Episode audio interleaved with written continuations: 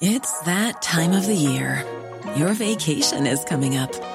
You can already hear the beach waves, feel the warm breeze, relax, and think about work. You really, really want it all to work out while you're away. Monday.com gives you and the team that peace of mind. When all work is on one platform and everyone's in sync, things just flow wherever you are. Tap the banner to go to Monday.com. Burrow's furniture is built for the way you live.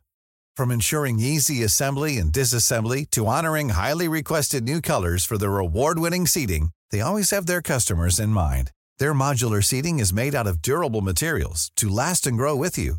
And with Burrow, you always get fast, free shipping. Get up to 60% off during Burrow's Memorial Day sale at burrow.com slash ACAST. That's burrow.com slash ACAST. burrow.com slash ACAST. There's never been a faster or easier way to start your weight loss journey than with PlushCare. PlushCare accepts most insurance plans and gives you online access to board-certified physicians who can prescribe FDA-approved weight loss medications like Wigovi and Zepbound for those who qualify. Take charge of your health and speak with a board-certified physician about a weight loss plan that's right for you. Get started today at plushcare.com slash weight loss. That's plushcare.com slash weight loss. plushcare.com slash weight loss.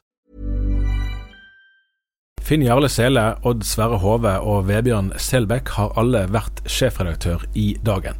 I denne bonusepisoden av Tore og Tarjei forteller de om hvordan de har opplevd det.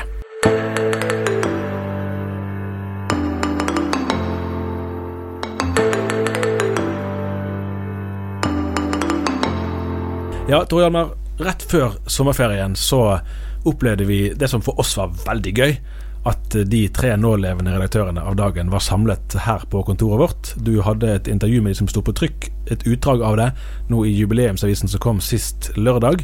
Og så gjorde vi da det opptaket som nå alle skal få høre. Hvordan opplevde du samtalen?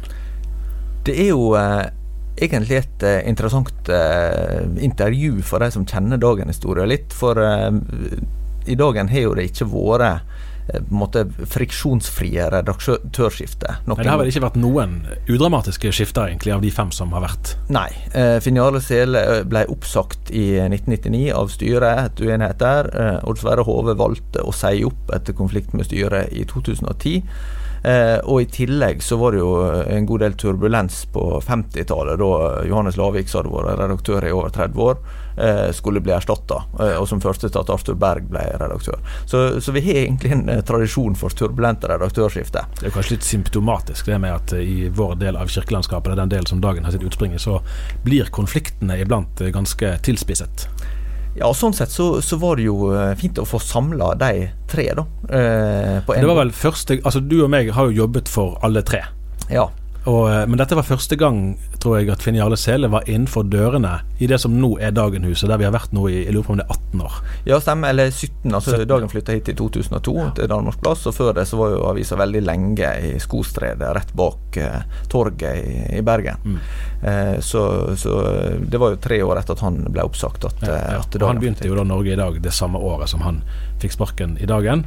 Eh, og Det er jo òg tilfellet at han og Odd Sverre Hove har jo en lang personlig historie sammen, men den ble jo da det, Historien endret seg i forbindelse med, med hans utgang fra, fra dagen og opptakten ja. til, til, den. Og Sånn sett så syns jeg at det er noe sånn forsonlig og fint over at de kunne møtes til fellesintervju eh, i forbindelse med 100-årsjubileet. Nettopp. og så er de sikkert uenige om forskjellige ting fortsatt, men de er også uenige om en god del ting. Om hva som er viktig for dagen, og hva som eh, Eh, ja, eh, både har vært utfordrende og, og interessant med å, å lede denne avisa. Nettopp. Tirsdag 20.8.2019 er det altså akkurat 100 år siden dagen kom ut eh, første gang. Det markerer vi bl.a. ved å trykke på nytt hele den aller første utgaven fra 1919. Vi bruker òg lederartikkel fra den gangen som lederartikkel i den ordinære avisen denne dagen. Og altså i dag tilbyr vi våre lyttere dette intervjuet med alle de tre nålevende sjefredaktørene i dagen. God lytting. Hva er ditt første minne med dagen? Ja, Hvis du spør meg, så er det et par-tre ting som konkurrerer. Uh, aller første møtet mitt med dagen, det var møtet med Odd Sverre Hove. Som kom opp på min hule i Herman Grans vei på loftet på Laksevåg og fortalte meg at han hadde funnet verdens beste avis. Han sa det sånn som jeg siden hørte Geir Morten eh, si det. Eh, ja, Geir Morten Nilsen, som i dag er konsernsjef i dag. Ja, ja. Han sa det sånn at 'jeg er så begeistra for denne avisa'. Og sånn var det jeg ble introdusert for, uh, for dagen. Og dette gjorde et sterkt inntrykk på meg. For all erfaring jeg hadde med dagen, var tilbake til det helt første minnet. Da alle bergenserne var skøytegale lenge før de hadde fått en verdensmester på skøyter. Og til og med på sprint. Uh, da da klippet jeg ut skøytebilder fra alle bergensavisene, og det var mitt første møte med dagen. Det som var kritikken min av dagen på det tidspunktet, var at det var litt for lite skøytebilder i den. Så det neste ble altså møtet med Odd Sverre Hove. Og jeg fikk jo bestilt dagen da, og fikk levert min tvangslevert min første artikkel. Etter et enormt påtrykk fra Odd Sverre Hove. Så hadde ikke han trykket sånn på, så hadde jeg aldri endt i dagen. Og jeg har sagt det, alle som vil gi meg skylden for ting som måtte ha skjedd siden, de må adressere det til Odd Sverre Hove. Og Hva med deg, Odd Sverre? Hva var ditt første minne med dagen? Det var i 1958. Da var jeg gutt, og det var en av klassekameratene mine som var fotografert på forsiden. Så det var ikke så veldig mye annet enn eh, lokal celebritet. Det, det, er jo verdt å nevne at dere to er jo så jamgamle som det omtrent går an å bli. Hvor mange dager er det mellom dere? Et par uker. Et par uker, ja. Født i eh, mai og juni 1947. Eh, videre til deg, Vebjørn. Hva er ditt første minne med dagen? Jeg kommer jo fra en uh, litt annen del av landet enn disse to eh, herrene her. Det er en del av landet der dagen ikke står like sterkt som på Vestlandet. Uh, altså i Trøndelag, som dere hører på dialekten. Uh, og jeg tror første minnet mitt var må være tidlig på 80-tallet. Jeg kommer jo egentlig fra Vårt Land-hjem. Mine foreldre holdt uh, Vårt Land. Men så hadde de en, uh, en uh, venn som, som, sa det at Vårt Land, sa han, du må jo ikke ha Vårt Land, du må jo ha Dagen. Det er jo en avis som passer mye bedre for dere og de meningene og sånn som dere har. Og det tror jeg var det første, første minnet om møtet med, med Dagen. da. Ja, Og du er født i 69? Sånn født i 1969, ja. ja. Så da var du sånn i, i tenåra? Tidlig, tidlig tenårene. Ja. Eh, og Sverre, hva så uh, måtte var grunnen til at du engasjerte deg i dagen såpass tidlig og prøvde å overbevise Finiale om at dette var en avis som var viktig?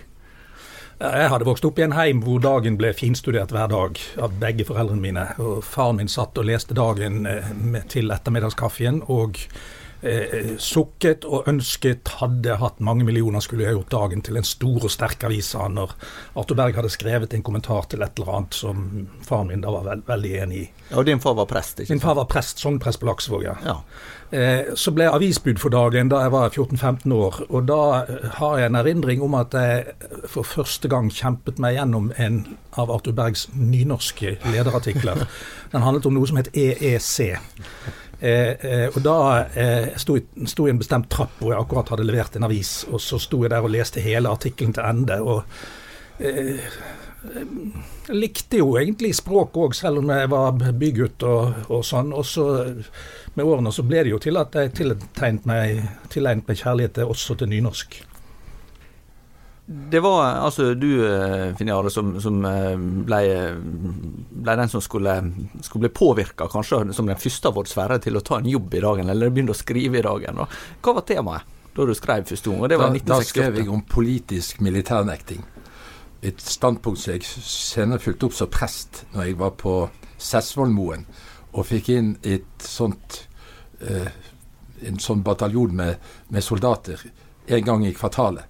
Da holdt jeg fast på det at hvis du av noen samvittighetsgrunn, enten det er pasifisme eller andre, ikke vil tjene i vårt nødvendige og viktige ø, norske forsvar, så skal du ikke være der pga. samvittighetsgrunner, og så bør du ikke være der av militære grunner. Nettopp. Og dere to fikk jo også et forhold til dagen da dere var i militæret, forstått. Hva var det, Odd Sverre? Ja, vi var på grunnskole på Madlamoen i noen uker sommeren 1968. Eh, og da eh, fikk vi abonnementet styrt dit, så vi satt i lunsjen i kantina eh, hver dag og leste dagen samtidig. Det var én avis vi delte på da. Så det, det, ga nok litt Det var jo en rekruttskole for vordende prester, vordende tannleger og vordende leger. Det var en nokså spesiell rekruttskole, dette her. Og, og de så nok litt rart på to mennesker som var så voldsomt opptatt av å lese en avis hver dag. En av de som faktisk eh, la merke til dere, ble fortalt senere av han sjøl. Det var Jon Magne Lund, ja. som skulle bli også teolog og redaktør i Vårt Land. Ja. Men, men jeg må legge til det at jeg tror at vår intense spenning og forventning når dagen ankom, og at vi satte oss ned hvor som helst og prøvde å lese det i det travle løytnantkurset som vi gikk på, det, det, det gjorde inntrykk. De skjønte hva som var viktig og kunne bli viktig her i verden. Avisen Dagen. Men jeg husker også at du Odd Sverre, var intervjua i lag med din eh, ungdomskamerat Gunnar Jonstad og sto fram med prestekall i, i, dagen, stemmer ikke det? Stemmer det, ja. Da var vi 14-15 år begge to. Ja. Så det var i 62, tror jeg, eller, eller sånn. Det, det, begynte vel med at jeg hadde skrevet et innlegg om prestemangelen, og så var vel det ikke godt nok. Men, men en som da arbeidet i dagens ungdomssider, inviterte oss til to stykker, to vordende til å samtale om prestekall. Og det var veldig tidlig å være opptatt av det da når vi var 14-15 år. Men på den annen side så har vi jo begge to altså blitt Gunnar Jonstad ble eh, først lektor på Lærerakademiet, og jeg ble da prest. Og, sånn, ja. ja. Eh, Vebjørn, du var jo eh, i mange år eh, sjefredaktør i en annen avis, eh, Magasinet, som oppsto eh, fra Livets Ord-miljø i Sverige, karismatisk kristenmiljø der, og som eh, etablerte seg i Norge med, også med utgave. Eh, hvordan så dagen ut fra magasinets synspunkt da du, da du begynte der? Nei, Det var jo en, det var jo en storebror, absolutt. En avis som som man følte et sterkt slektskap med, sånn teologisk og i det å kjempe for de kristne grunnsannhetene. Selv om en del av reportasjevirksomheten var litt forskjellig, så har jo hele tida følt at standpunktene på lederplass i de ulike kampsakene og stridstemaene var jo veldig sammenfallende. Så cirka sånn så det ut. Du Finn Jarle var jo den som først ble sjefredaktør her. Det skjedde i 1985-86. Eh, og eh, hva tenkte du, husker du, da, da, du gikk inn i den jobben? Ja, hva jeg eksakt tenkte, det vet jeg ikke. Men jeg var hos Olav Vågen, styreformann i Sjøfartsdirektoratet ute på Nordnes. Og eh, jeg hadde fått et merkelig brev om at han ville snakke med meg. Og jeg var jo da i dagen og trivdes med å ha det minste kottet i avisen og brekke debatt. Og så fikk jeg jo da veldig fart på den brekkingen, sånn at jeg kunne ringe paven og ringe statsministeren og ringe alle andre og få oppslag i NRK lokalt og sentralt og kanskje førsteside på TV. Og, så, så, jeg trivdes jo med, med, med det livet der. Og, og, så ble jeg kalt ut der ute, og, og så sa han det at at uh, de hadde to-tre redaktørkandidater. Og jeg var en av de. Og jeg var jo spent på fortsettelsen. Og så kom han til at, uh, at siden klubben hadde gått inn for meg, så kunne jeg være den riktige for å få løst denne floken de hadde. For de hadde jo gått igjennom halve landet for å finne en redaktørkandidat som alle kunne enes om. Så, da hadde Arthur Berg vært redaktør her i over 30 år. Ja, så, og, og, jeg hadde jo den innstillingen. Min innstilling var jo det at Arthur Berg skulle stå til aldersgrensen. For jeg var jo bare gått inn i dagen for å følge denne legenden, lære av han. Så det var mitt dagen-prosjekt. Det var å være sammen med Arthur Berg, og så anta å følge hans linje. Nettopp. Og det var jo det var mitt kjempegøye prosjekt. Og plutselig så står jeg der og skal Så kommer jeg ut på gaten derifra og jeg er kalt som redaktør. Og da sier jeg til meg sjøl at dette blir du i hvert fall ikke. Så det trenger du ikke tenke på. For, for Vågen han hadde stilt et kontrollspørsmål. Han hadde sagt det at Arte Berg sine sko er så store at de kan ingen fylle. Og eh, det gjelder å finne en redaktør av dagens han som ikke er en kopi av Arte Berg. For det går ikke an. Og så stilte han spørsmålet til meg. Hvor uavhengig vil jeg være i forhold til Arte Berg? Og da var mitt svar ganske kontant dette, og jeg moret meg jo over situasjonen. Jeg sa at du må nok Jeg syns det er et fristende tilbud. Jeg skulle elske det der i og for seg. Men, men, du må nok regne med at er det noen som vil gjøre seg avhengig av Arthur Berg, så må du skrive meg på listen. Og hvis du skal kalle meg, så må du legge til i kallsbrevet det som står i statuttene. Der står det at, eh, at eh, på hel sannhetsgrunn og etter den haugianske lekmannslinjen, så må du legge til, for sikkerhets skyld, eh, og Arthur Bergs linje. Men du Sverre, kjente jo også Arthur Berg langt tilbake, og, og også uh, stor respekt for han. Kan, kan, du si noe om hva arv du opplevde at dere som gikk inn i dagen seinere, fikk fra særlig Berg, og dere som, som kjente han personlig? Han var veldig opptatt av uh, at uh, avisens linje måtte føres videre, så det kjempet han for i mange, mange år. Jeg hadde vært på kontoret hans da jeg var veldig ung, og da hadde han sagt at han gjerne ville at jeg skulle være en etterfølgerkandidat. og Det rystet og sjokkerte meg voldsomt, for jeg så ikke for meg at jeg hadde mulighet til å fylle et sånt skjortenummer som det han representerte. Og jeg håpet jo da at han egentlig skulle fortsette i det lengste. Eh, men eh, det eh, var det jo en grense for, nødvendigvis. Så det, det var stormfulle tider på, i de dager. Og eh, styreformann Olav Vågen var jo uenig med Arthur Berg, og eh, fortalte meg et år før Arthur Berg sluttet at de, han hadde vurdert mitt redaktørkandidatur fordi Arthur Berg hadde foreslått det, og han mente jeg var ubrukelig som redaktør i avisen. Så det hadde jeg egentlig fått klar beskjed om på det tidspunkt. Eh, men eh, eh, tingene snudde og vendte seg annerledes da med årene. Men hvordan, altså, hvis du skal prøve å konkretisere litt hva, hva Arthur Berg sitt prosjekt handler om, og hva Dagen-prosjektet handler om, sånn som du oppfatter det? Jeg er nokså overbevist om at han la stor vekt på avisens statutter, og særlig formålsparagrafen. og Der er det tre basissignaler om avisen på bibelsk grunn, eh, på apostolisk, den apostoliske bekjennelsesgrunn og på hel sannhetsgrunn. Og Du må tenke sammen de tre uttrykkene for å få tak i avisens grunnleggende profil. Eh, og eh, Dette uttrykket på den apostoliske bekjennelsesgrunn tyder på at de som stiftet avisen i 1919 ønsket å rekke ut hånden også utenfor lutherdommens krets. For da var de lutherske bekjennelsesskriftene ikke uttrykkelig nevnt.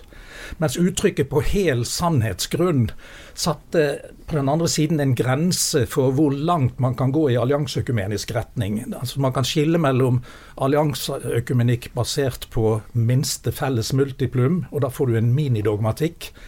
Eh, men det er umulig hvis du skal eh, drive en avis på hel sannhetsgrunn. Og så har du det andre alternativet, største felles mål. Eh, at eh, du eh, i og for seg ikke gjør avisen til et kamporgan mellom protestantiske kirkesamfunn og dogmatiske posisjoner. Men på den andre siden, hvis du må ta stilling til noen ting, så må du følge sannhetsidealet. Og det betyr den overbevisning som skrift og apostolisk bekjennelse krever, også med henblikk på de standpunktene som er spesielt lutherske.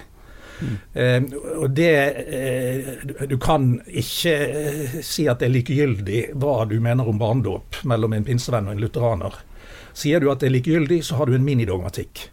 Men sier du det er et stort og viktig spørsmål, og her er vi innbyrdes uenige, og vi behøver ikke å bruke avisen til kamporgan i den saken, da kan du likevel vedstå deg standpunktet uten å uten å og, eh, Da jeg ble sjefredaktør, så satte jeg meg ned og gjorde et tilsvarende studium. Jeg tror jeg er nokså sikker på at Arthur Berg hadde gjort det på forhånd.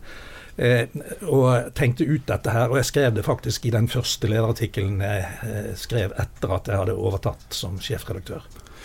Du Vebjørn har jo uh, fulgt ganske tett det bokprosjektet som vi har hatt gående nå i jubileumsåret med Dag Kullerud, som er uh, journalist og forfatter. Jobber i Aftenposten, uh, Dagbladet, NRK, og også skrevet biografi om bl.a. Hans Nilsen Hauge og, og Ole Hallesby. Og nå har altså skrevet om, om, dagen gjennom 100 år. Hvordan ser du linja, hvis du skal liksom se litt av de sakene som utkrystalliserer seg som viktige for dagen gjennom hele avisas historie? Det er jo eh, for det første et stort privilegium å få følge det arbeidet og få lov å være sjefredaktør i selve 100-årsåret, 100-årsåret, for å si det sånn. Og det er jo et svært interessant prosjekt Dag Kullerud har, har gjennomført. Og det er jo sånn at det er jo, det er jo Dagen har jo hatt få sjefredaktører til å være en avis på 100 år så er det jo, er det jo, er det jo få. Vi er jo ja, Halvparten sitter jo her i, dette, i, i, dette, rommet nå. Og, og, og, det er jo nå vi som har vært prega av sine sjefredaktører. Og da eh, også i tidligere tid, liksom vi snakka om, om Arthur Berg her nå. Han har jo åpenbart prega avisa sterkt inn mot vår tid. Men, men Johannes Lavik, hans avisidé eh, fra starten, og hvordan, eh, hvordan avisa ble bygd opp eh, da, syns jeg også har vært veldig interessant å lære mer om. Arthur Berg jeg kjente jo ikke han på nært i hele tatt, men han var jo en, på en måte en samtidig. og Jeg har jo hatt gleden av å intervjue ham en gang. sånn at det er jo en mann vi vi kjenner til, og er hun fortsatt en levende legende. Ja, maleriet henger på, på, kontoret ditt? Altså, Jeg har Arthur Berg hengende på kontoret mitt bak meg, sånn at han sitter og gløtter litt når jeg skriver lederartikler, og det føler jeg er litt, eh, både litt trygt og litt utfordrende. Og på gangen har vi byste av Johan eh, Slavik, ja. sånn at eh, de er til stede, sånn, eller blir, blir minnet, da. Men hvis vi skal konkretisere dette, si at det er tre saker som, som, Vi skal ta en runde nå, da. Dere tenker at det er tre hjertesaker som dere vil trekke fram for dagen. Eh, kan dere kort eh, bare ta, ta det? Jeg kan begynne med, med deg, da, Vebjørn, siden du hadde ordet nå sist. Men for, for meg så, så, så, handler det om eh, kristen, å være en kristen stemme i samfunnsdebatten. Det har, eh, det har vært noe som jeg har prøvd å lage vekt på i min redaktørgjerning. At dagen er noe mer enn eh, en avis bare for en sektor i kristenfolket, men vi må også ha noen ting å levere ut i den store eh, offentligheten. Det har, eh, det har, vært litt av mitt uh, prosjekt. og Det er klart at uh, vanskelig å nevne bare tre saker. Men det er klart at, uh, klart at kampen for det ufødte livet åpenbart vært en, en, en, linje i vår i det som, som vi har, eh, har kjempa for. Eh, I motvind. Kont, eh, kontinuerlig motvind i disse 100 årene. Men det er en kamp som vi ikke kan, kan gi opp, fordi at dette er det ufødte livet er et stemmeløst liv. Og siden det er stemmeløst, ingen det, det, det kan ikke kjempe for seg sjøl, så er det noen andre som må være det ufødte livets stemme. Og det, det, det skal vi få lov til å være. Uh, og så er det selvfølgelig òg uh, Israel, Midtøsten. Uh, kampen for det eneste demokratiet i denne delen av verden. Det er veldig, veldig viktig å kjempe for. Vi kunne selvfølgelig ha nevnt mange andre saker, men, men dette er noe av det som, som jeg har vært og er opptatt av. Finale, hva tenker du, hvis du skal trekke fram tre saker? Jeg er jo enig med Vebjørn i det at dagen og en eller Norge i dag, eller enhver kristen avis, må være en stemme ut til de andre i samfunnet. På, på Israel, på menneskeverd, på de store livssynsspørsmålene. Det er ikke bare et internt husorgan. Det andre er jo at dagen har en spesiell forpliktelse, som Arthur Berg sa, det ligger jo i, i denne linjen, eh, på Skriftens autoritet. Og det er blitt også et best filosofisk begrunnede standpunkt, fordi etter 200 år med undersøkelse av fornuftserkjennelsen i filosofien, så de endte opp med at man ikke kan si noe om det gode, det sanne og det skjønne ut fra fornuftserkjennelsen. Vi har åpenbaringen i Guds ord, og vi må tørre å stå på den. Det er det eneste også som skiller samfunnet fra kaos, filosofisk sett. Så, så skriftprinsippet, Bibels autoritet, det er ikke noe som vi, vi, liksom går inn og ut av. Det er en forpliktelse. Og så er det tredje nestekjærlighetsbudet i journalistikken.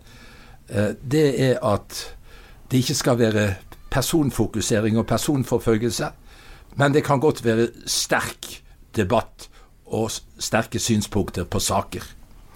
Du Sverre, vil du eh, trekke fram tre saker? Jeg er mye enig med både Vebjørn og, og Finn Jarle i det de har nevnt. I hundreårsperspektiv så er det jo altså slik at eh, de som skrev statutten i 1919, betonte at dagen skulle ta til gjenmæle mot angrep på kristne trossannheter. Mm. Og Det har avisen gjort under Johannes Lavik og under Arthur Berg og under alle oss tre som sitter her. Eh, det eh, kalles jo gjerne for apologitikk. Det handler om å forsvare kristne trossannheter. Og det er en voldsomt viktig sak, og akkurat nå viktigere enn noensinne. Mm. Eh, så viser nok hundreårshistorien også at eh, patos for Israel har vært felles eh, hele veien. Johannes Lavik løste det spørsmålet på den måten at han engasjerte Ragnar Giverholt til å skrive. Han skrev flengende skarpe analyser av utviklingen av nazismen i i Tyskland på 1920- og 1930-tallet. Og han var eh, ved siden av Dagbladet i Oslo den eneste eh, pressemannen i Norge som egentlig som hadde kompetanse til å greie å skrive noe sånt.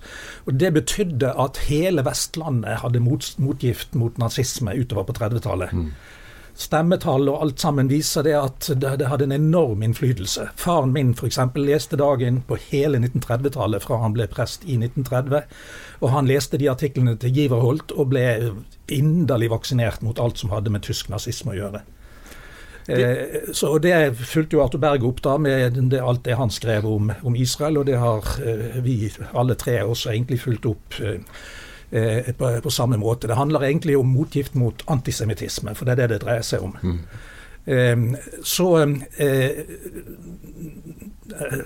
må det nok sies også at det er en patos som særlig Den var tydelig også under Johannes Lavik, men den kom helt på spissen under Arthur Bergen på den måten at han sa blankt nei til EEC og EF og EU. Mm. Eh, og det beror på en eh, sans for å forstå eh, Guds plan for folkene i det verdslige regimentet mm. som oppdelt i nasjoner. Mm. Altså en nasjonalstatkjærlighet. Mm. Han hadde jo, Arthur Berg hadde jo sjøl vært soldat for å forsvare Norges frihet som nasjonalstat, og var villig til å dø for det. Og han var rystet over de som ikke lenger var villige til det. Ehm, og EU eh, e var jo nettopp overnasjonal. Eh, man sa fra seg suverenitet ved å gå inn i EU, så han kjempet drabelig imot den suverenitetsavståelsen. Den problematikken er blitt veldig aktuell igjen i forlengelsen av konflikten i, i, internasjonalt eh, om globalisme kontra nasjonalstatstenkning.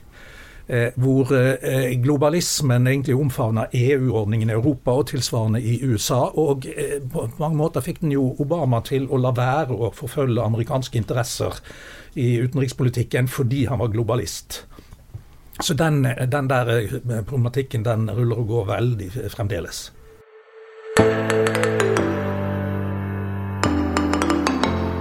Dagen er jo blitt anklaga av kritikere for å være for smalspora og for opptatt av et knippe enkeltsaker. Eh, hva svarer dere på en sånn kritikk? Vi kan ta en liten runde på det også. Vebjørn først.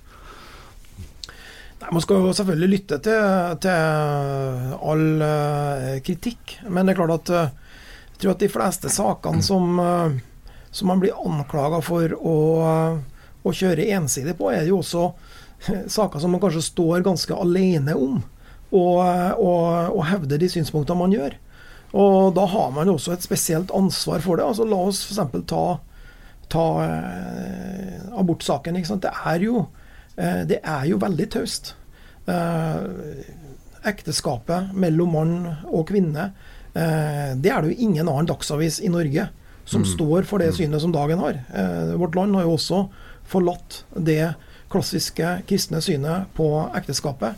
Sånn at det gjør vel også at det er et særlig ansvar da, for å stå for eh, disse sakene. Men man må jo ikke bli eh, monoman. altså Man må jo lage et avisprodukt uh, som har en miks som er som er av en sånn karakter at, uh, at det blir en, en god uh, dagsavis. ikke sant? Det var jo også grunnleggerne opptatt av. Man skrev jo det at man skal ha, bringe telegrammer og Dagsnytt som en, som en allment godt redigert dagblad. Mm. Sånne ting. Så, mm. så, det hører også med. Men jeg, jeg, jeg skjemmes i hvert fall ikke for å stå for, for også saker som, som, vi har havna alene om å, å, stå for.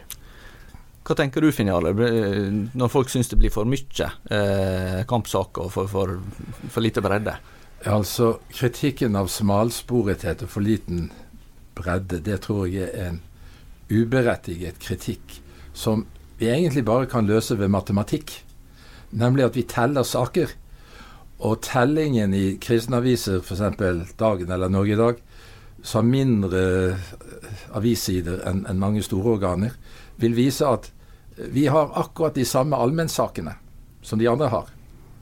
Og så har vi i tillegg alle kristensakene, som er vår 90 eh, prosents kultur, som er den historisk kristne. Så vi har jo mye større bredde til de andre som kritiserer, som har gått seg vill. Og, og, og, kanskje følelsesmessig har, har havarert litt. Grann, for matematikken Kullerud sa til meg det at jeg har ikke gjort noen statistisk analyse, for den omfattende. Men den bør gjøres en dag, og den tror jeg vil helt sikkert vise at, at vi er bredere og mindre smalsporet enn de andre. Hva tenker du da, Sverre? Det er vel eh, gjerne eh, egentlig mennesker som ikke har lyst til å tenke, som bruker sånne tankeløse argumenter. For hvis de tenker og tenker at de må forsvare det de har sagt, så ville de jo få håpløse problemer. Så det, det er bare folk som lar være å tenke, som sier sånt. Hva vil dere si har vært det beste eh, ved den eh, tida dere eh, har hatt som, som redaktører i dag? Enten det går på leserreaksjoner eller går på ting dere opplevde internt. Vi må ta en runde på det. Vebjørn først. Jeg vil bare si at det er å føle den sterke støtten og også forbønnen fra en, en stor, stor gruppe mennesker som ønsker dagen vel, og som mener at dagen er et viktig eh, redskap eh, i, eh, i samfunnsdebatten.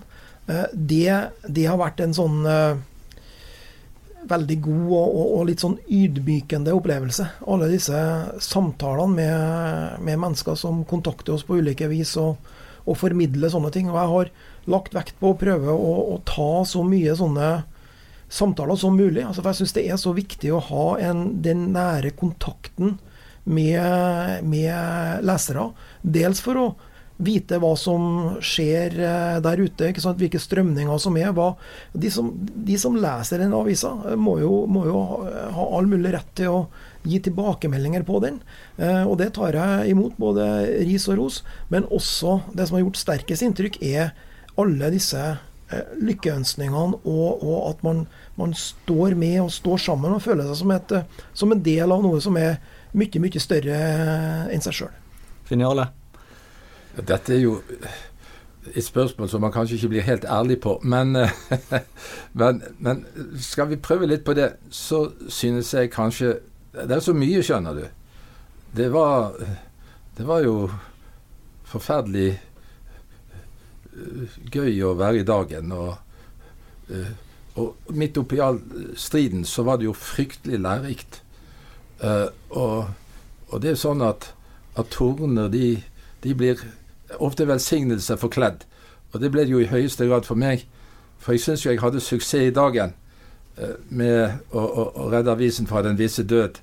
Med å, å rasjonalisere 15 stillinger og, og slike ting. Og, så det var jo veldig tilfredsstillende. Men det er jo klart at no, det, det, er klart det, det der er jo ikke så fromt. Men eh, og, og, enda mer suksess etterpå, eh, takket være den eh, det som dagen utløste. Så, så, jeg pleier å si nå, når de stiller meg det spørsmålet der, at jeg var lykkelig i mors liv. Og jeg var lykkelig i dagen. Og jeg var enda mer lykkelig i Norge i dag. Og hva mer kan et menneske forlange?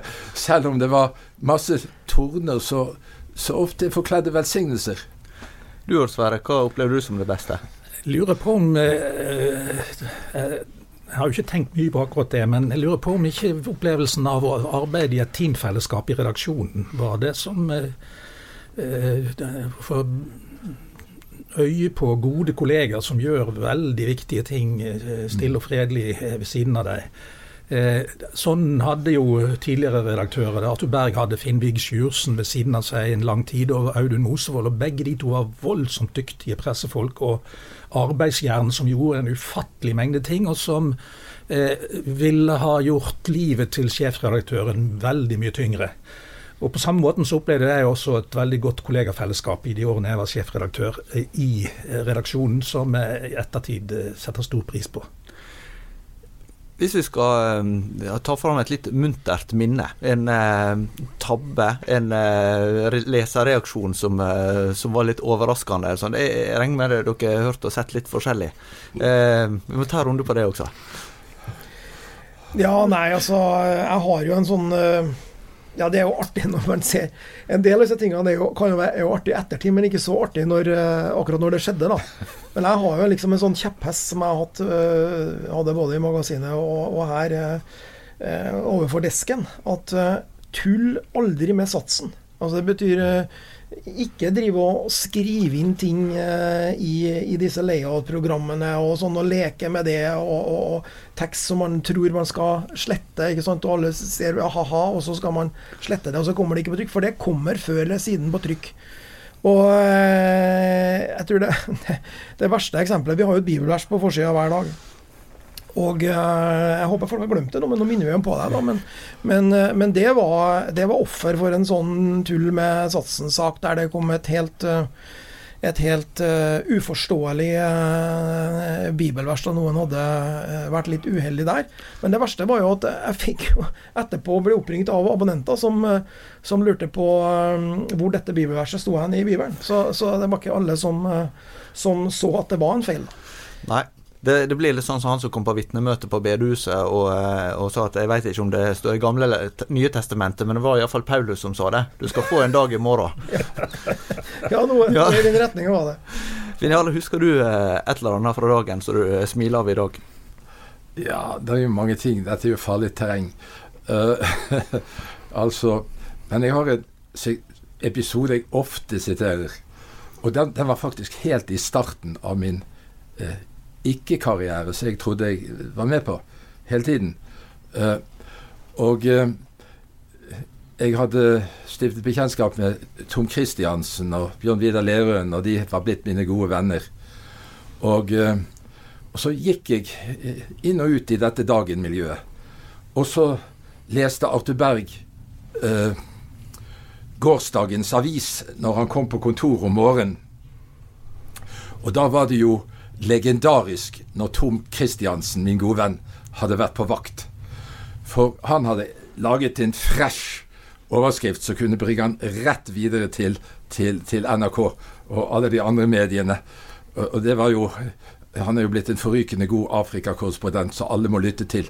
Fordi at han, han, han, griper ting på kord og sier det gjerne på en sterk måte. Så da, da var jo det sedvanlige når jeg kom inn der, at Tom hadde vært på vakt og Arthur Berg var kommet på pulten sin, og så ropte han sånn at det kunne høres i to kvartaler Tom, hva har du gjort?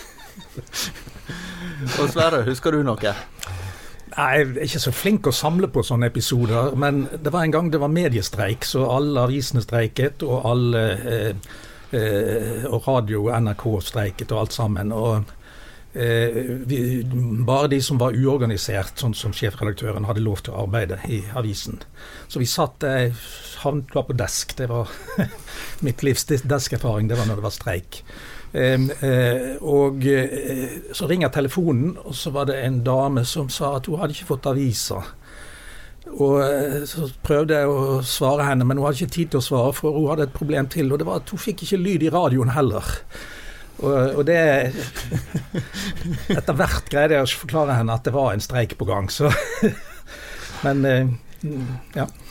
Eh, det er jo litt interessant å høre hva dere er blitt inspirert av. Bibelen er jo opplagt viktig for en Dagen-redaktør, og eh, det har vært snakk om tidligere redaktører. Men jeg kan ikke si noe om andre inspirasjonskilder som har vært viktige for dere, enten det gjelder bøker eller forfattere, tenkere. Kan ta en runde på det også, Vebjørn? Nei, altså Inspirasjon i, i, journalistikken, der tror jeg jeg må Jeg må tilbake til, til, til tidlige ungdomsår og den første erfaringa med journalistikk i eh, det store eh, organet Stjørdals Blad. Eh, der jeg jobba som sommervikar og, og, og, vikar og sånne ting. Og der, det å det å komme inn der og så møte litt erfarne, eh, hardtslående journalister og på en måte få tillit og, og bli en del av et uh, kollegium og få hjelp og sånn, det var i hvert fall noe som, uh, som virkelig var med å og, og tenne meg for journalistikken. da. Ellers så må jeg nok også, eh, selv om det er litt politisk ukorrekt, også nevne min uh, tid på uh, Livets Ord i Uppsala, rett og slett. der jeg også fikk med meg ting som har vært viktig resten av livet, håper jeg. En, en, en, en offensiv tro på at det er mulig å forandre ting, at det er nytte hvis vi bretter opp ermene, gjør så godt vi kan og ber til Gud, så er det utrolig eh, hva som kan eh, skje. Det har også vært en viktig inspirasjon for meg. Geniale. Ja, det er jo masse inspirasjon, selvsagt. Og, men veldig mye av inspirasjonen, veldig mye inspirasjon for fortsatt journalistkarriere lå, som disse guttene her har nevnt, i, i alt du lærte av kolleger i, i avisen. Jarle Kallestad, Tom Christiansen. Eh, Først og fremst Arthur Berg, Odd Sverre Hove, ikke minst. Eh, masse navn der. Uh, og mange har nådd langt. Noen er professorer i litteratur, noen er professorer i journalistikk.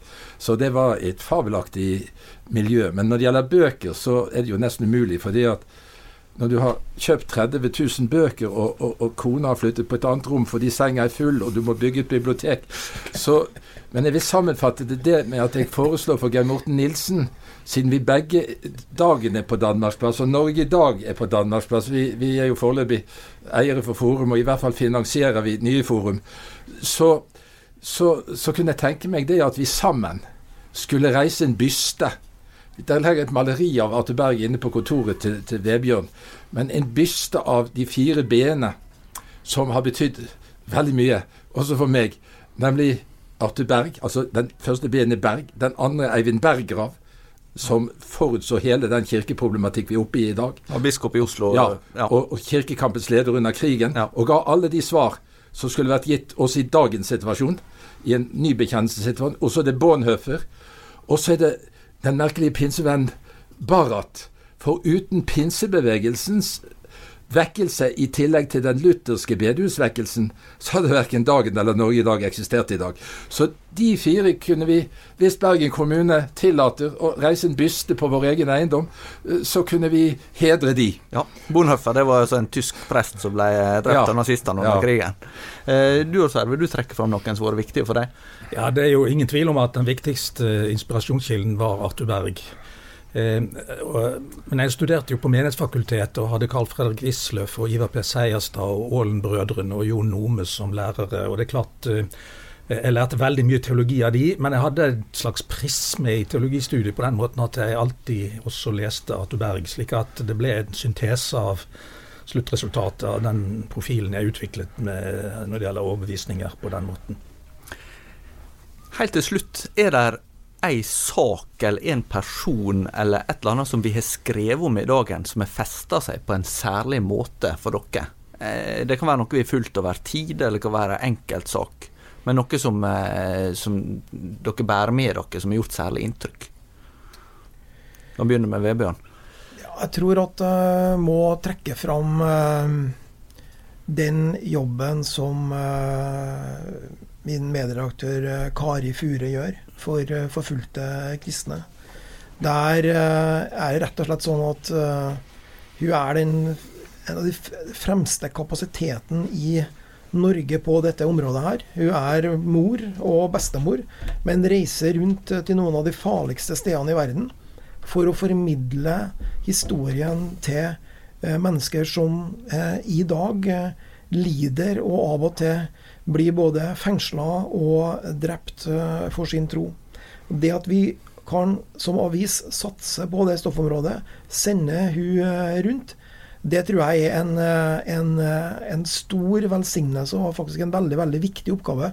For vi må aldri glemme våre lidende trossøsken. Vi, mm. vi kan føle at vi eh, basker litt i motvind. Men, eh, og vi, eh, vi, kan føle at vi, at vi blir forfulgt for meningene våre, vi òg. Eh, men, men, men, det er jo stort sett tøffe ord og kommentarfelt og sånt vi får imot oss. Sammenligna med det våre trossøsken opplever rundt omkring i verden, så, så er det jo null og niks. ikke sant? Dette er helter som lider for sin tros skyld, lider fordi at man tror på Jesus Kristus. Og Det er en samvittighetssak og, og, stå sammen med dem og formidle deres historier. Og det gjør eh, Kari Fure på en fantastisk måte, og jeg er veldig glad for at vi kan, i dagen kan formidle eh, hennes eh, arbeid på den måten. Finjale? Ja, det er mye som fortjener å fremheves, men det er én ting som over tid gjorde et dypt og varig inntrykk på meg. Og det var jo Børre Knudsens kamp for de som vi har forfulgt i vårt eget land, og myrdet i, i titusentall det ufødte barn i, i, i, mors liv. Han var jo, ifølge Regen Prenter, den store danske dogmatikeren, en av Norges store salmediktere. Han var født og skapt til å være prest. Og han, han ofret det som var aller kjærest, nemlig hans plass i Den norske kirke. For sammen med et par til, sånn som Ludvig Nesse og Per Kørner, og så gå til det ufødte barns grav og, og ta hele den kanossagangen gjennom det norske samfunn, og aldri gi opp. Det er klart vi, vi fikk underskriftslister fra 20 000 leger i Frankrike som støttet han, og 40 000 her. og det var muntre episoder når jeg kom med disse sakene og sa på, på desken dette må på førstesiden i morgen. De, og nå har vi jo faktisk vunnet i Amerika. Vi får kanskje 20 ja til livet-stater i Amerika av de 50 statene USA har. Aftenposten skrev om det denne uken. Det kan bli 20 ja til livet-stater som hver for seg er større enn Norge. Men, men, vi, men hadde prestene fulgt Børre Knutsen her i Norge, så var det sånn som en kjent prest som, som gikk hjem til Gud, sa det. Da hadde Kirken vært annerledes, og Norge vært annerledes. Og Sverre, har du noe eh, ja, Når du skriver noe offentlig, en meningsytring offentlig, så um, må du ha ryggdekning, eh, for ellers så kan du bli angrepet i ryggen. Og Det å tenke gjennom det motangrepet, det du har skrevet kan bli utsatt for, før du setter det på trykk, det er voldsomt viktig. Og Hvilken ryggdekning er da nødvendig å ha når man skriver i en kristen dagsavis? Eh, jo, Det angir altså statuttene. På Bibels bibelsk grunn står det i statuttene at da virksomheten skal skje. Hvis man har ryggdekning i skriftprinsippet Arthur Berg eh, preget det uttrykket i norsk offentlighet på mange vis. At man må basere seg på skriftprinsippet i alt man tenker og gjør. Da har man altså en ryggdekning, og da blir målsettingen mens man skriver, rett og slett å tenke ut har jeg en resonnementstråd fra det jeg her skriver, til ryggdekningen i skriftprinsippet, og vil jeg kunne gjøre rede for den hvis jeg blir angrepet. Ja, Da, da er tanken om at du skal ha belegg i Bibelen for det du, yes. for det du skriver. Nettopp. Det var det vi rakk. Vi kunne snakka mye lenger, men eh, veldig kjekt at dere kunne være med og være her samla. Eh, har du tilbakemeldinger på det du har hørt, så kan du kontakte oss på torekrøllalfadagen.no eller tarjei.krøllalfadagen.no. Vi høres neste uke. Ha det godt.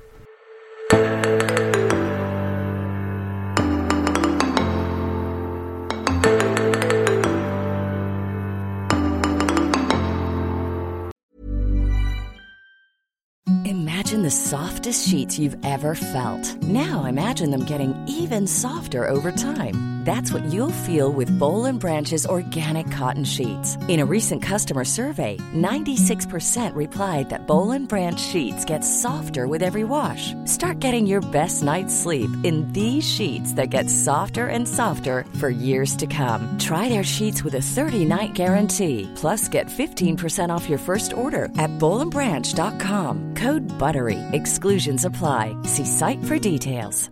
Hi, I'm Daniel, founder of Pretty Litter. Cats and cat owners deserve better than any old-fashioned litter. That's why I teamed up with scientists and veterinarians to create Pretty Litter. Its innovative crystal formula has superior odor control and weighs up to 80% less than clay litter. Pretty Litter even monitors health by changing colors to help detect early signs of potential illness. It's the world's smartest kitty litter. Go to prettylitter.com and use code ACAST for 20% off your first order and a free cat toy. Terms and conditions apply. See site for details. Even when we're on a budget, we still deserve nice things. Quince is a place to scoop up stunning high end goods for 50 to 80% less than similar brands. They have buttery soft cashmere sweaters starting at $50, luxurious Italian leather bags, and so much more. Plus, Quince only works with factories that use safe, ethical, and responsible manufacturing. Get the high-end goods you'll love without the high price tag with Quince. Go to quince.com/style for free shipping and 365-day returns.